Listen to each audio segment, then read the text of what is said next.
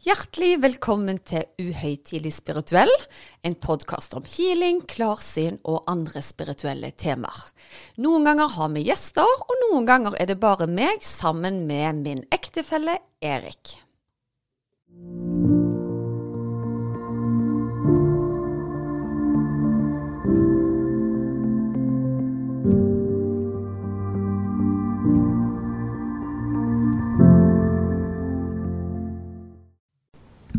Ja vel, Susanne. Da var vi her igjen.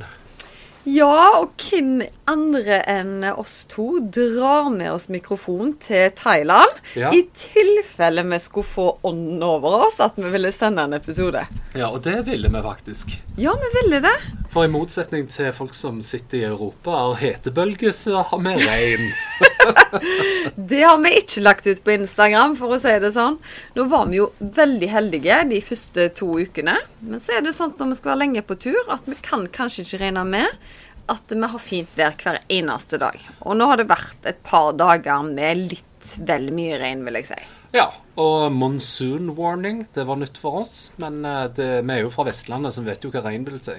Ja, og så bor vi jo da i et sånn eh, Kan vi kalle det hytte? Ja, jeg, jeg, første ordet som poppet inn i, hos meg, var glamping. Men jeg syns ikke det er så veldig glamorøst heller.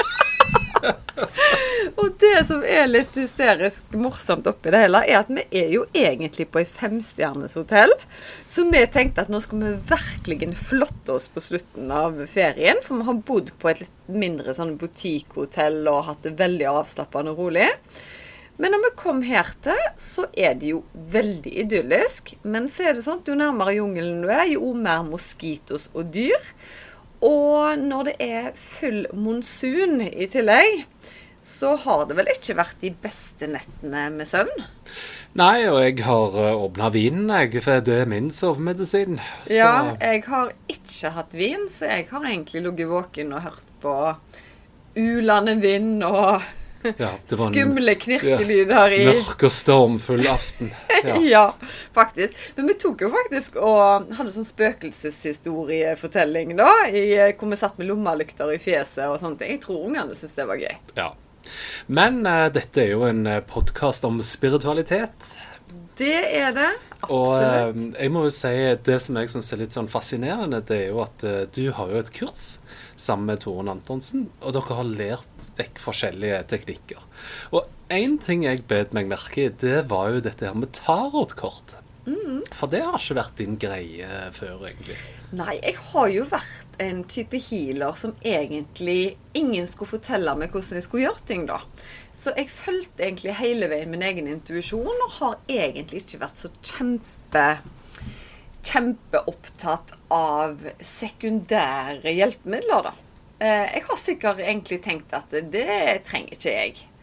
Men så har jo ego utvikla meg, og jeg ser jo det at det er utrolig nyttig å ha andre hjelpemidler i tillegg til den krafta du besitter. Da får du bare enda mer informasjon. Så jeg har jo skjønt nå at dette her er jo egentlig bare for å spe på det du allerede har, og egentlig bare formidle enda mer. Ja, for det du gjør da, holdt på å si, det er jo at du får inn en tanke, og så bruker du gjerne taroten til å bekrefte den tanken, da, eller? Yes. Og så får du litt mer kjøtt på beinet, rett og slett. Ja.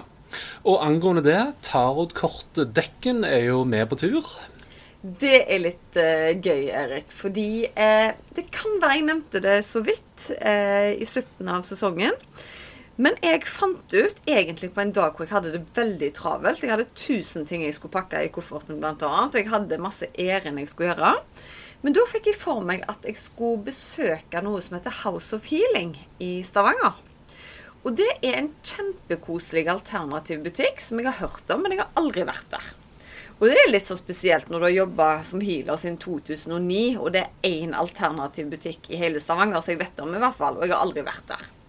Men så fant jeg ut yes, jeg stikker innom der fordi jeg kunne tenke meg å kjøpe noen krystaller. Og bakgrunnen for det var rett og slett at vi skulle ha en healing med krystaller i form av undervisning. Så da trengte jeg det.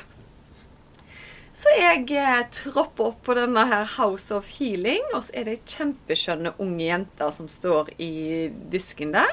Og da hadde jeg på forhånd bestemt meg for at jeg ville kjøpe meg noen englekort. Og så skulle jeg ha eh, bl.a. noe som heter Selvnytt, Og så skulle jeg ha litt sånn andre småting. Og så tar jeg og henvender meg til denne dama, og så spør jeg henne til råd som noen steiner. Og så sier hun til meg at du, jeg er litt usikker på det du spør om, så jeg ringer til sjefen min eh, og hører om henne. Jeg bare ja, ja. Og i mellomtida så går jeg litt rundt og kikker. Og så hører jeg bare at hun sier på engelsk til denne personen i eh, andre enden av telefonen Du kan jo få snakke med henne sjøl. Og jeg tar telefonen, og så sier denne dama til meg Who are you? Og så ble jeg litt sånn eh, a client, a customer in the store. Og så forteller hun meg det at uh, de steinene jeg spurte etter, de var ikke for meg. Det kunne hun si med en gang. Jeg trengte ikke noen steiner. Tenkte jeg oi, det var litt spesielt at hun sa det, fordi jeg er egentlig ikke en person som går og handler steiner for meg. Men uh, nå var det et litt Jeg skulle ha det til noen andre greier. Men så sier hun til meg eh, er du klar over at du har enorme healing-evner? Og jeg tror du er en av de mest klarsynte i hele Norge. Så måtte jeg jo si ja. Jeg har en viss anelse. jeg har en viss anelse. Nei, men, men, men, hun fortalte i hvert fall en del om mine mm, evner da, på det lille minuttet jeg snakket med henne. Og så sier hun til meg Men du, de englekortene du har plukket deg ut hun var jo ikke der. Jeg hadde ikke tatt de englekortene engang. Jeg hadde liksom bare mentalt bestilt at de skulle jeg ha. De skal ikke du ha. Du skal ha The Black Tarot, sa hun. OK, hvor finner jeg de, da? Jo da, bare plukk med deg de, du. Og så De trenger du. Fordi du kommer til å få veldig god kontakt med disse kortene. Det kan jeg garantere deg. Og du skal legge ett og ett kort under hodeputa di hver eneste natt. Fordi du trenger ikke lese bøker, du bare skanner de, du. Ikke sant? sa hun. tenkte jeg bare tilbake at eh, jo, jeg har jo delt på podkast nå at jeg leste jo ikke til eksamen. Jeg var jo den som eh, Hva skal jeg si? Gjetta meg til svarene, eller bare intuitivt visste hva det handla om. Og så har jeg en sånn greie at når jeg leser ei bok, så skummer jeg bare gjennom det. Det er akkurat som jeg vet ordene som andre må lese. De bare vet jeg at står der. Og du har jo sett sjøl at jeg leser ei bok veldig raskt. Ja. I hvert fall da så eh, blir jeg så begeistra over den kunnskapen til denne dama at jeg har invitert henne med som gjest på podkasten, så hun håper jeg blir med nå ganske snart. Men i hvert fall så tar jeg med meg eh, en krystall. Og jeg tar med meg denne tarotkortstokken hjem og legger ett og ett kort under puta. Og så fikk jeg da for meg at Eh, jeg skulle ta den med på ferie. Og så tenkte jeg da, en av de første dagene meg og deg var på ferie, så tenkte jeg at eh, la oss legge et lite tarotkortlegg på deg, og se om det er noe som, eh, som, skjer. Og jeg begynner å stokke denne stokken, for planen er jo å legge opp noen kort. Og mens jeg stokker, så er det et kort som fyker ut. Ja. Hva kort var det som føyk ut, Erik? Og det mener jeg, det var ikke sånn å, her mista jeg et kort. Det var nesten som det bare slida ut gjennom hele kortstokken. Ja, og det var keiseren, eller The Emperor. Ja. Som det heter på fransk. ja, bare Det er flott at du påpeker hva det heter på fransk. Ja. ja. Men ja, og den føyk jo ikke ut bare én gang. Det var jo flere ganger. Ja, tre ganger. Fordi jeg tenkte først at eh, jeg skal jo legge ned flere kort her nå. Så det er bare stappet jeg inn i kortstokken igjen. Så stokker jeg en gang til. Nei da, da ikke bare flyr det. Da, da tok det salto ut av kortstokken nå. Og så putter vi det inn igjen. Så stokker jeg kortstokken. Så drar jeg opp det første kortet. Og så er det det samme kortet for tredje gang. Og da fatter det din interesse. Lag merke til. Ja, for da var det liksom ikke tilfeldig lenger, tenkte jeg. Ja, nei, nei, for mye tilfeldig i min ja, verden. Det, sånn er det. Men i hvert fall så altså, måtte jeg jo prøve å tyde dette her. Jeg, eh, på, på, den måten du liksom tyr til tarotkortet får bekreftelse, så, så, må jo jeg søke etter hva representerer da The Emperor. Um, og faktisk så representerer det altså faren, da, eller en farsfigur.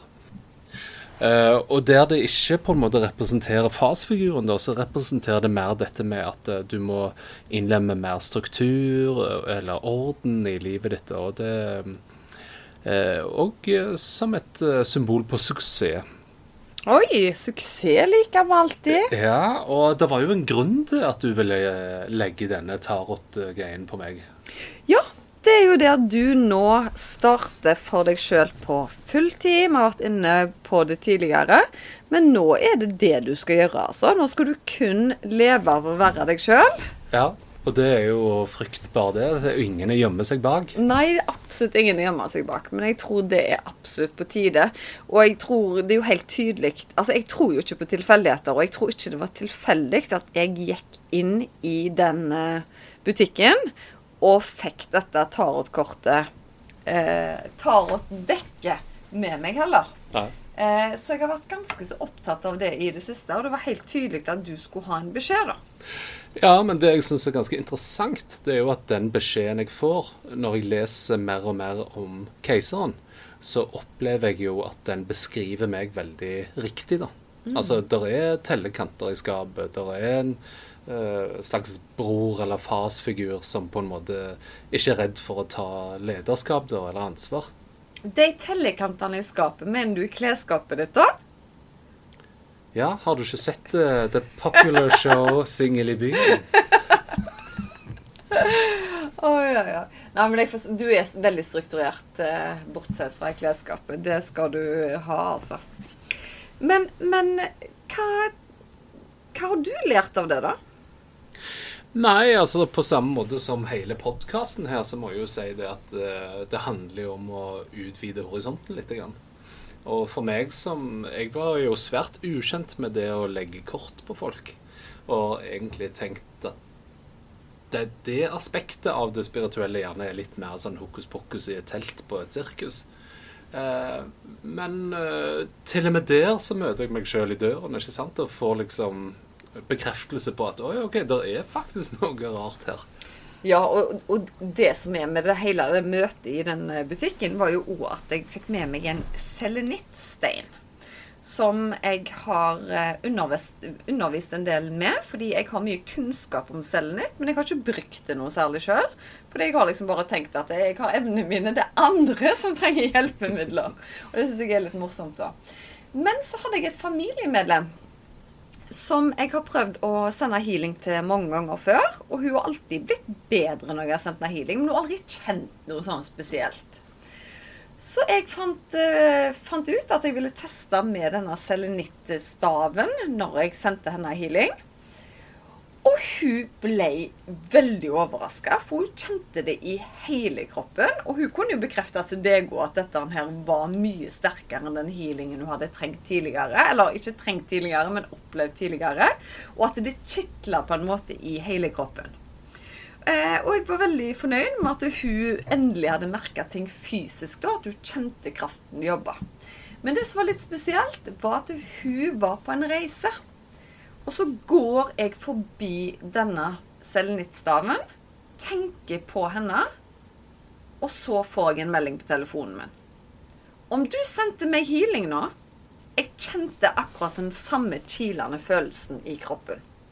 Og da skvatt jeg nesten litt sjøl. For det var sånn at jeg sto og kikket på den staven. Jeg tok ikke på den, men sendte henne den tanken. Og det var nok til at hun fikk samme følelsen som hun hadde når jeg holdt den staven og hila henne. Ja. Nå skal jo sant sies at den staven eh, la du under hodeputen din en natt. Og begge to våkner med et brag av at den har havna veggimellom. Så hvordan den fant seg veien fra under hodeputen til langt på andre siden av soverommet, vet ikke jeg. Men min teori da var den skal ikke ligge der. Og det hadde du helt rett i. Fordi en selenitt bør ikke være i senga di i det hele tatt, fordi han er altfor sterke.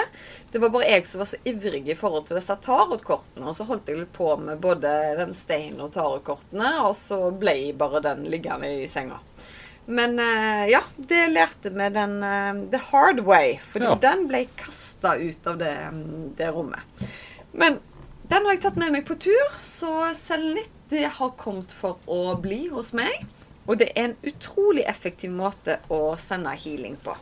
Så hvis du har lyst til å lære mer om det, så er det absolutt mulig å lese seg opp på Selenit. Ja. Men du, vi er jo i Thailand.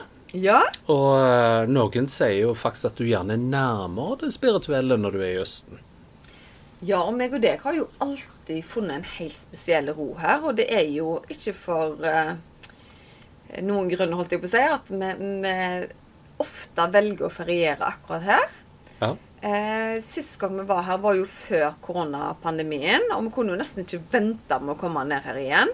Da skulle idyllen bare bli kasta på oss idet vi satte beina på thailandske grenser. Men det tok noen eh, dager å lande, altså. Ja. Eh, Det som ligger i bakhodet vårt eh, i forhold til Thailand, det er jo en litt sånn morsom historie. Men en av de første gangene vi skulle ha en sånn par eh, Ikke hypnose, men i hvert fall at vi skulle på en måte eh, få en slags eh, guida meditasjon eller et eller annet sånne ting. Så skulle vi visualisere et sted som du hadde et spesielt forhold til. Og det viser seg jo at begge to visualiserte en strand som ikke ligger så langt unna der vi er nå. Altså, Det er jo helt utrolig. Vi har ikke gjort mange sånne ting sammen. Vi har gjort det med de sjamanene, og vi gjorde det den gangen med han som veiledet oss inn i den meditasjonen. Og begge gangene så opplever vi det samme. Og det tror jeg er litt spesielt. Ja. Eh, Da kan vi i hvert fall ikke si det er fantasien vår at vi har akkurat samme fantasi. For når det kom til kraftig ro, så fikk vi på en måte opp noen av de samme, samme symbolene. Men eh, i starten så var unger sure, voksne var sure. Nå skulle vi skynde oss å slappe av i Thailand. Men så, når vi først har landa, så landa vi skikkelig, vil jeg si. Mm.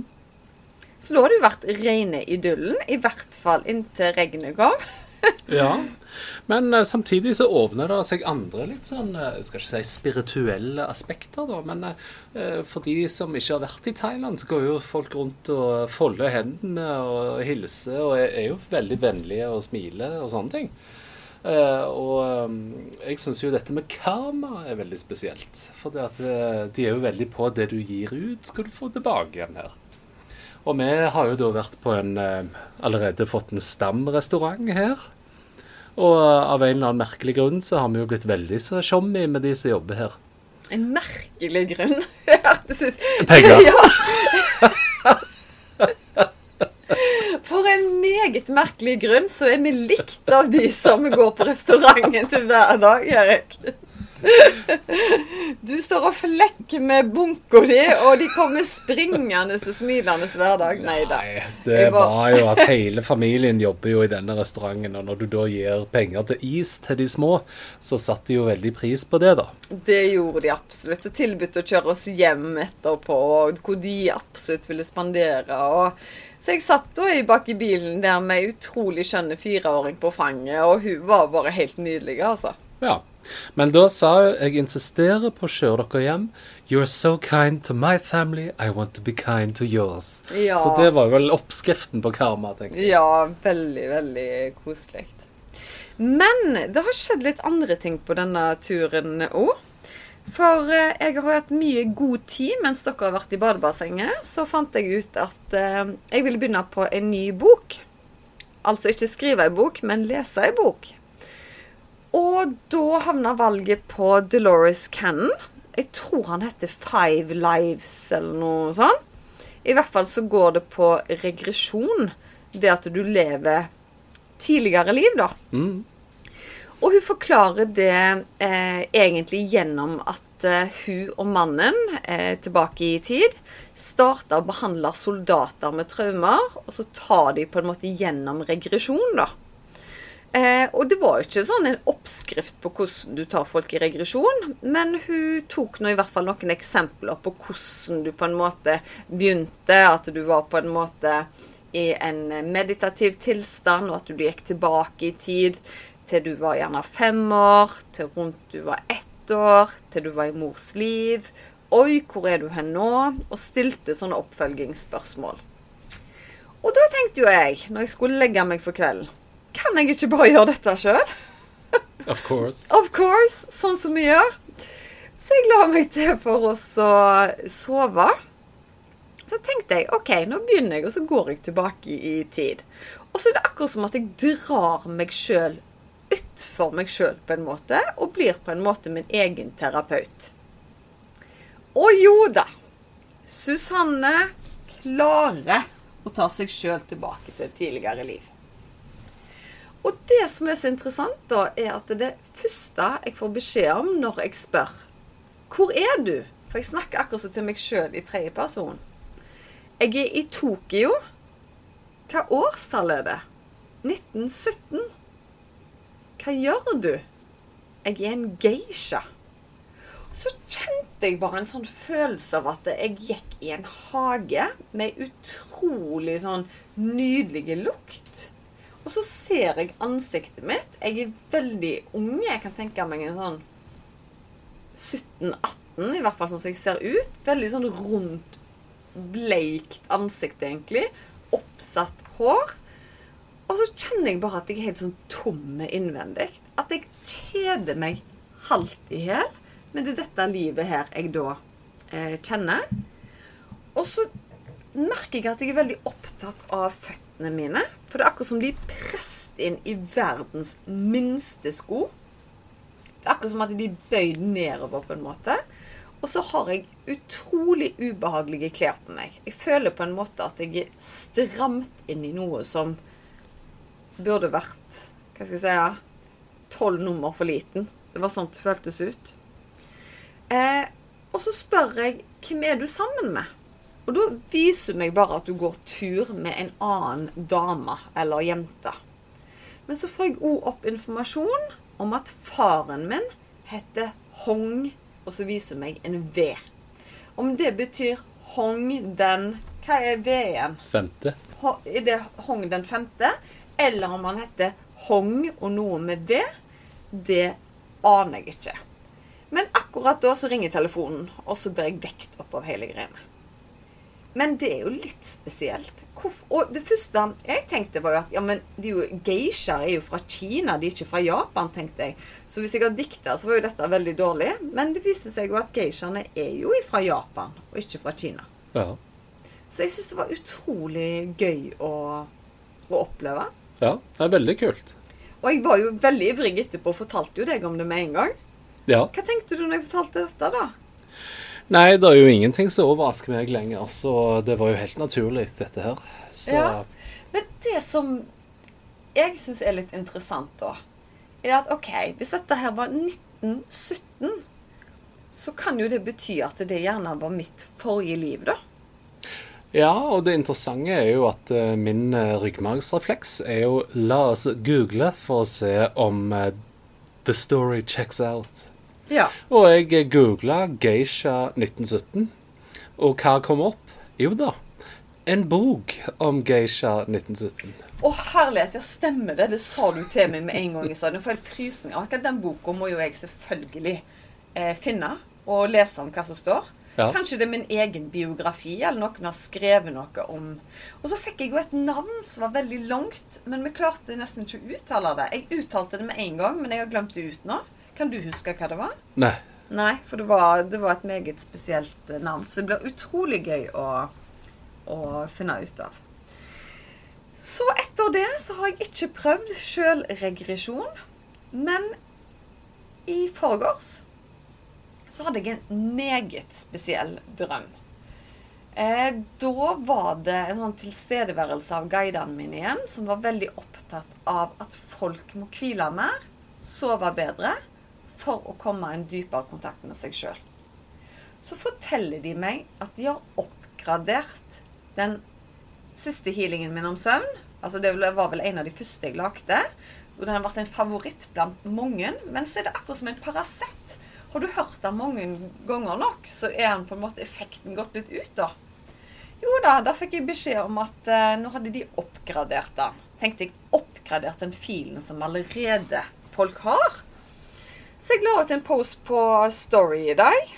At dere som har allerede kjøpt den søvnhealingen, kan dere lytte igjen og gi meg en tilbakemelding om han er annerledes. Og det har tikka inn med personlige meldinger, SMS-er og meldinger på Instagram om folk som sier at den er helt annerledes å lytte på nå. Ikke de, ja, for det er jo de samme ordene. Ja. Men det, så Sue Einar sa det verste av alt, han høres til og med ny ut. Og det var før hun leste posten. Nå hadde bare lytta til han, så tenkte hun var det sånn han var? Veldig Jeg syns det er utrolig, utrolig gøy, altså. Og det eh, spiller jo litt igjen på det derne, altså første testen vi hadde når vi spilte en, eh, på podkasten og hadde en healing der. Eh, det satt jo litt sånn Det kasta ballene litt i luften i forhold til tid, sted og rom. Absolutt. Og her er det jo en ny greie som igjen kaster opp litt uh, realitetene rundt eh, tid og sted. Ja, absolutt, altså. Og det, det er bare så utrolig hva guidene egentlig klarer å formidle til meg, bare med å være til stede. Ikke fysisk, men mentalt og spirituelt, om du vil, da. Eh, Men jeg skrev ned noen ord jeg, som jeg òg delte på Instagram i forbindelse med den storyen. da. Så jeg kan ta og lese til dere. For det var rett og slett eh, den kommunikasjonen jeg følte de formidla gjennom den drømmen, da. Eller jeg var egentlig ikke Egentlig var det ikke en drøm heller. Det var sånn mellomvåken tilstand. Men de sa Kjære Susanne. Vi ønsker igjen å minne deg om den dype betydningen av søvn. Når du lar deg synke inn i nattens drømmer, åpner du deg for en verden av helbredelse, oppvåkning og indre innsikt. De forklarte at søvn er mer enn bare en fysisk nødvendighet. Det er en portal til vår åndelige natur, en reise til de dypere lagene av bevissthet, hvor våre sjeler kan utfolde seg og oppdage sin sanne essens. Ved å omfavne sønnens gave, sier de, kan du gjenopprette balanse i kropp, sjel og ånd. Og det er gjennom søvn at dine energisentre blir fornya, dine chakraer blir renska, og den åndelige vitalitet blir styrka. Og de minner meg òg på at søvn ikke bare er en tilstand av hvile, men en kilde til kreativitet og inspirasjon. Og at i drømmene våre kan vi bli veiledet til en åndelig oppvåkning, motta symbolske meldinger og oppdage sannheter som har skjult for oss i det våkne sinnet. Da guidene avslutta budskapet, ba de meg om å verdsette sønnens gaver og sette av tid til hvile og gjenopprette det åndelige og fysiske energien. Og det de da sier veldig tidlig, er Din guida healing-meditasjon søvn har blitt oppgradert frekvensmessig, og at den vil bli viktigere og sterkere for alle som lytter, mer enn noensinne. Ja, Meget spesielt. veldig kult. Eh, og det som jeg må si, i forlengelse av det, da, så ble vi jo òg tipsa om en artikkel i Aftenposten. Eh, og jeg leser denne med stor entusiasme, hvor leger og vitenskapsfolk eh, eh, snakker om eh, dette her med eh, at Altså, legevitenskapen er jo veldig rundt det fysiske, mens det spirituelle er jo det abstrakte. Og de argumenterer for det, at uh, hvis du kan på en måte ehm, Hvis det abstrakte kan gjøre deg syk, da, så burde gjerne det abstrakte kunne gjøre deg frisk i tillegg. Og så viser det seg jo at denne artikkelen er jo fra 2009. Altså, meg og deg var bare Vi må kaste oss over de som har skrevet denne her. Invitere de til gjester. Herlighet, så tøffe de er. Ja. Og så er det tilbake til når jeg starta å jobbe som healer. ja. Det er jo helt utrolig. Men det betyr jo ikke at vi ikke kan, trenger Vi kan jo kontakte de allikevel. Absolutt. Men jeg syns det er veldig kjekt, for det at målet med vår podkast har jo vært til å dytte den streken og øke forståelse. Og jeg syns det var veldig kjekt når det fra akademiske miljøer gjerne kom en anerkjennelse av at eh, OK, kanskje ikke alltid vi trenger å ha to streker under svaret. Nei, jeg vet det. Og, og det jeg syns er utrolig gøy nå, at nå er det så mange som jeg aldri hadde trodd at var åpne for healing, som skriver til meg og er så fornøyde med å følge guida healingplaner, og at de vil gjerne ha et nytt oppsett på nye healinger de skal lytte til, fordi de føler seg så mye bedre.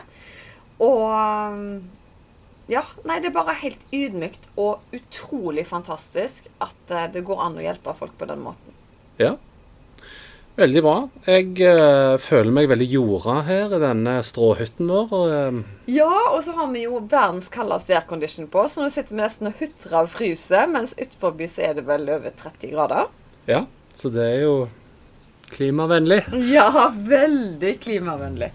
Men uh, vi hadde i hvert fall veldig lyst til å spille inn noen ord. Vi savna dere på et vis. Vi gjorde det, og så skal det bli veldig kjekt og inspirerende å fortsette de gode samtalene med deg, Erik. Og gjerne lære folk enda litt mer om spiritualitet. Og det er jo aldri kjedelig å være på den spirituelle reisen, i hvert fall. Fordi når jeg tror at det ikke skjer noen ting, og så går vi bare gjennom de siste to ukene, så er det jo en del ting som skjer allikevel. Ja, det er jo det.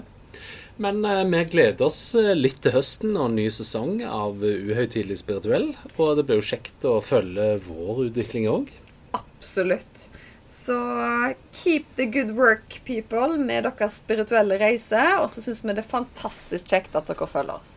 Ja, og sawadika, som de sier her nede. Sabadika.